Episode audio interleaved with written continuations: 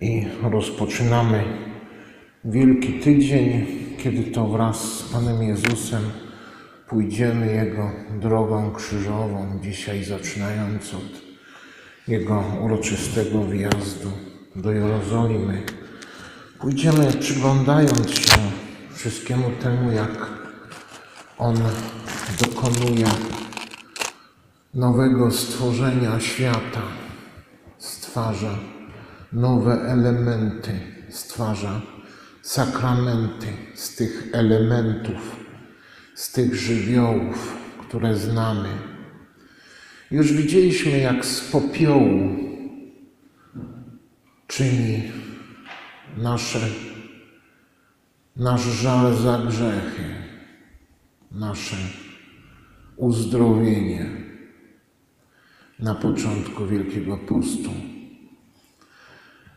Będziemy widzieć, jak z ognia czyni światłość, jak uzdrawia wodę, sprawia nasze uzdrowienie w wodzie i będziemy słyszeć Jego głos roznoszący się w powietrzu. Pośród tych czterech elementów widzimy piąty element, którym jest szczęście. Ponieważ tak jak elementy otaczającego nas świata, tak są i elementy w naszej duszy, w naszym rozumie, a są to cztery cnoty główne. Są właśnie tymi duchowymi elementami. I pośród nich piątym elementem jest szczęście. Takie szczęście, które nazywane jest w Ewangelii byciem błogosławionym. To to samo słowo szczęśliwy albo błogosławiony. Ten, który wiedział, jak się zachować. Ten, który wiedział, jak postąpić. Te pięć elementów widzimy w pięciu tajemnicach Różańca Świętego. Różaniec jest jak taśma tych pięciu elementów, pięciu cnót wraz ze szczęściem. Tak starożytni Grecy mówili, że istnieje taśma cnót prowadząca nas przez życie. Słowo taśma po polsku, jak i po grecku podobnie brzmiące desma, składa się z pięciu liter, a te pięć liter po grecku to pierwsze litery właśnie czterech cnót głównych i szczęścia, po kolei sprawiedliwości, roztropności, umiarkowania, szczęścia właśnie i męstwa. Te pięć elementów widzimy w każdej z części Różańca Świętego. Także widzimy dzisiaj, dostrzegamy w tą uroczystość Krzyża Świętego, ten nasz odpust Krzyża Świętego, dostrzegamy tajemnicę krzyża zapowiedzianą przez Pana Boga, po trzykroć zapowiedzianą w Starym Testamencie upragnioną w Ewangelii, zanim Pan Jezus podjął krzyż, właśnie wykonaną przez Chrystusa Pana Jego niesieniem krzyża, zrealizowaną w Kościele i pozostaje jeszcze do wykonania przez nas siódmy raz. Te siedem razy, jak pokazuje święty Łukasz, mają miejsce ze wszystkimi siedmiu darami Ducha Świętego. Po kolei są one właśnie, jak pokazuje święty Łukasz, trzykroć zapowiedziane w Starym Testamencie, upragnione ciągle w Ewangelii, zesłane i wypełnione przez pierwszy Kościół, a wreszcie pozostają do wypełnienia siódmy raz w naszym życiu, w życiu każdego z nas. W mądrości zapowiedziany został Krzyż Święty. Przez mądrość Bożą już na samym początku stworzenia, kiedy Pan Bóg położył sklepienie niebieskie, a następnie rozdzielił wody, oddzielił od suchego lądu, a suchy ląd okazał się na tyle życiodajnym, na tyle posiadał w sobie życiowej mocy, sam w sobie, że od razu wyrosło wszystko kwitnące i owocujące, jak mówią nam komentatorzy jeszcze przed Chrystusem. Wyjaśniają. Wyrosło wszystko jak dywan, który w bajkach arabskich może się unosić i w ten sposób okazuje nam właściwość Bożej chwały, że na niej się unosimy. Obłok Bożej chwały unosi nas jak dywan w bajkach arabskich. Chwała Boża to coś ciężkiego, ozdobnego i opadającego na nas. Tak jest wyobrażenie w Starym Testamencie, zasłona świątyni. Baldachim niesiony na procesji to właśnie wyobraża welon na kielichu, na monstrancji, nałożony na krzyż teraz, spowity krzyż chwale Bożej, że nie dostrzegamy całej Jego chwały. Z delikatnością odnosimy się, z bojaźnią Bożą odnosimy się do tej chwały Bożej i dlatego w tym czasie zasłaniamy krzyże.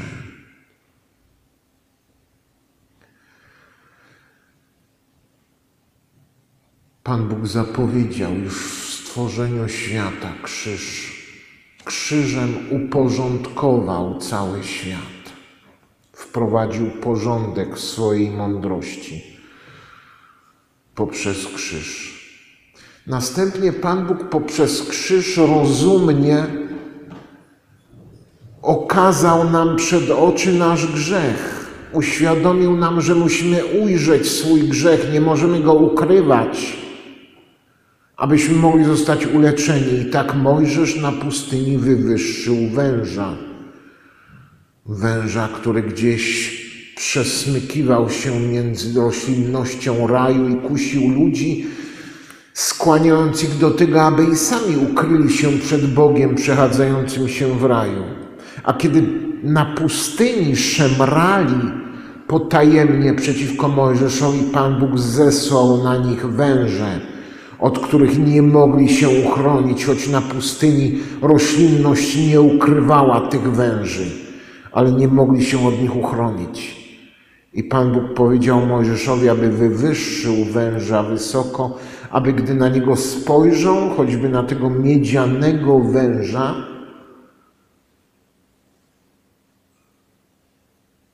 zostali uzdrowieni. Taki małym znakiem naszego żalu jest to, że idziemy do spowiedzi i wyznajemy nasze grzechy uczciwie. Jest małym naszym wysiłkiem, małym naszym staraniem, na które Pan Bóg odpowiada swoim przebaczeniem.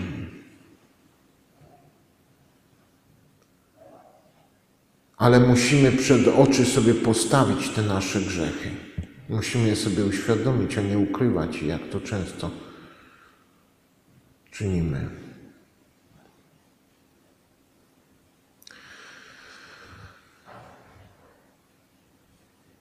Zapraszając nas, abyśmy stali się doradcami Pana Boga, a Jego uczynili naszym doradcą także, abyśmy Jemu pozwolili doradzić nam Pan Bóg zaprosił Abrahama do tej rady, po raz trzeci zapowiadając tajemnicę Krzyża Świętego, kiedy domagał się od Abrahama złożenia ofiary, a Abraham nie ujrzał dookoła siebie niczego godnego ofiary.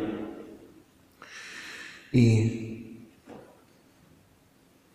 wziął tylko drwa i ogień i wraz ze swoim synem zaczął wchodzić na górę, na której miał złożyć ofiarę. A Izaak pyta go o to drwa i ogień, a gdzie ofiara? A Abraham mu powiedział: Pan Bóg sam upatrzy sobie ofiarę. Abrahamowi mogło się wydawać, tak jak uważają ludzie w tamtych czasach, że można i własne dziecko złożyć w ofierze. Ale Pan Bóg nie żądał czegoś takiego od niego i przerwał mu to. I wtedy Abraham ujrzał barana zaplątanego w krzewy, w krzaki. A Żydzi mówią, że tego barana właśnie Pan Bóg stworzył na samym końcu. Kiedy już wszystko stworzył na samym końcu, uczynił właśnie tego barana, nie każdego pierwszego lepszego, nie gatunek baranów, które uczynił w piątek rano wraz ze wszystkimi stworzeniami, zwierzętami lądowymi, ale na samym końcu uczynił tego właśnie barana, którego przygotował na ofiarę dla Abrahama. W ten sposób Pan Bóg przygotowuje nam ofiarę, ale zechciał, aby Abraham w decydującej, w decydującym momencie stanął po jego stronie, zaświadczył na jego korzyść, jak mówią Żydzi. Wyjaśnię sens tego wydarzenia. Pan Bóg zaprosił Abrahama, aby zaświadczył na jego korzyść. Stanął po jego stronie i Abraham to właśnie uczynił. Stanął po stronie Pana Boga. Aż do tego momentu, że nie zawahał się całkowitej ofiary złożyć Bogu. Ale Bóg nie wymagał takiej ofiary. Bóg wtedy wskazał na właściwą ofiarę. I oto dochodzimy do samej Ewangelii, kiedy to po trzech tych zapowiedziach Krzyża Świętego sam Pan Jezus mówi, jak bardzo upragniony jest krzyż właśnie w naszym życiu. Jeśli ktoś chce pójść za mną, niech weźmie swój krzyż i niech mnie naśladuje, bo kto chce zachować swój świat, ten go straci, a kto straci swój świat, ze względu na mnie i Ewangelię, ten go zachowa. Nasz świat, nasze wyobrażenia, wszystko, wszystko, co napełnia nasze życie, cały sens naszego życia, jak wielu ludzi w ciągu ostatniego roku straciło cały swój świat. Cały świat się zawalił, bo nie mogą daleko podróżować, bo zdarzyło się coś, co właśnie, bo ich bóstwa upadły. Bardzo często jest tak, uczyniliśmy sobie niewłaściwe bóstwa i to one upadły. Ale przecież sobie stawiamy inne bóstwa. Ciągle. Bardzo często nie oczekujemy od Boga pomocy, nie spodziewamy się na Niego, osądzamy Pana Boga w tym wszystkim, co się dzieje. To sami siebie osądzamy w ten sposób. Widzimy Pana Jezusa na drodze krzyżowej. W czwartej tajemnicy z kolei właśnie rozważamy szczęście po sprawiedliwości Bożej, z którą Pan Jezus wszedł do Ogrójca, po Jego roztropności, kiedy przyjmuje na siebie wszystkie cierpienia wraz z biczowaniem i ubolewamy nad fałszywą roztropnością Piłata, który chciał ograniczyć się mniejszym złem, tylko ubiczować Jezusa. A może krwiożerczy tłum się uspokoi? Okazało się, że nie. Okazuje się, że nie ma mniejszego zła, że nie można się zadowolić mniejszym złem, że to prowadzi tylko do większego zła. Zostajemy zaplątani wtedy, jeżeli wybieramy mniejsze zło.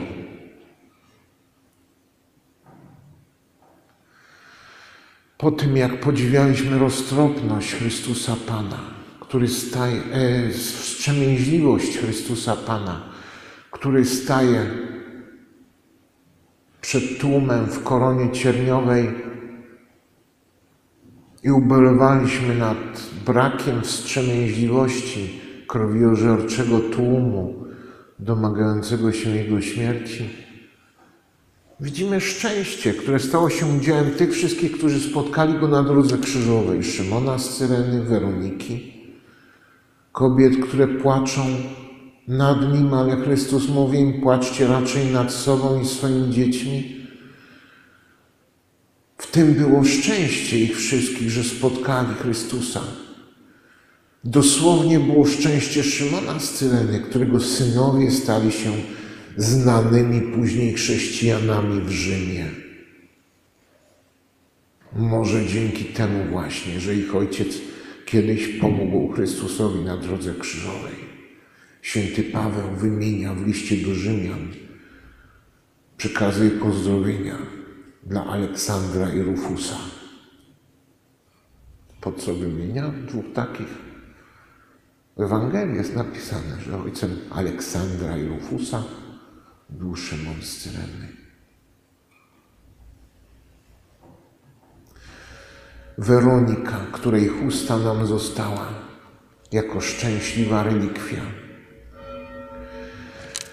Wszyscy oni mieli szczęście spotkać Jezusa na swojej drodze i my mamy takie szczęście. Mamy swój właściwy czas spotkać Pana Jezusa. I mamy teraz ten tydzień właśnie, żebyśmy go dobrze wykorzystali, żebyśmy znaleźli czas pośród wszystkiego innego na to, aby przybliżyć się do Pana Jezusa. Kto chce zachować swój świat, ten go straci. Kto straci swój świat ze względu na mnie i Ewangelię, ten go zachowa. Mówi Pan Jezus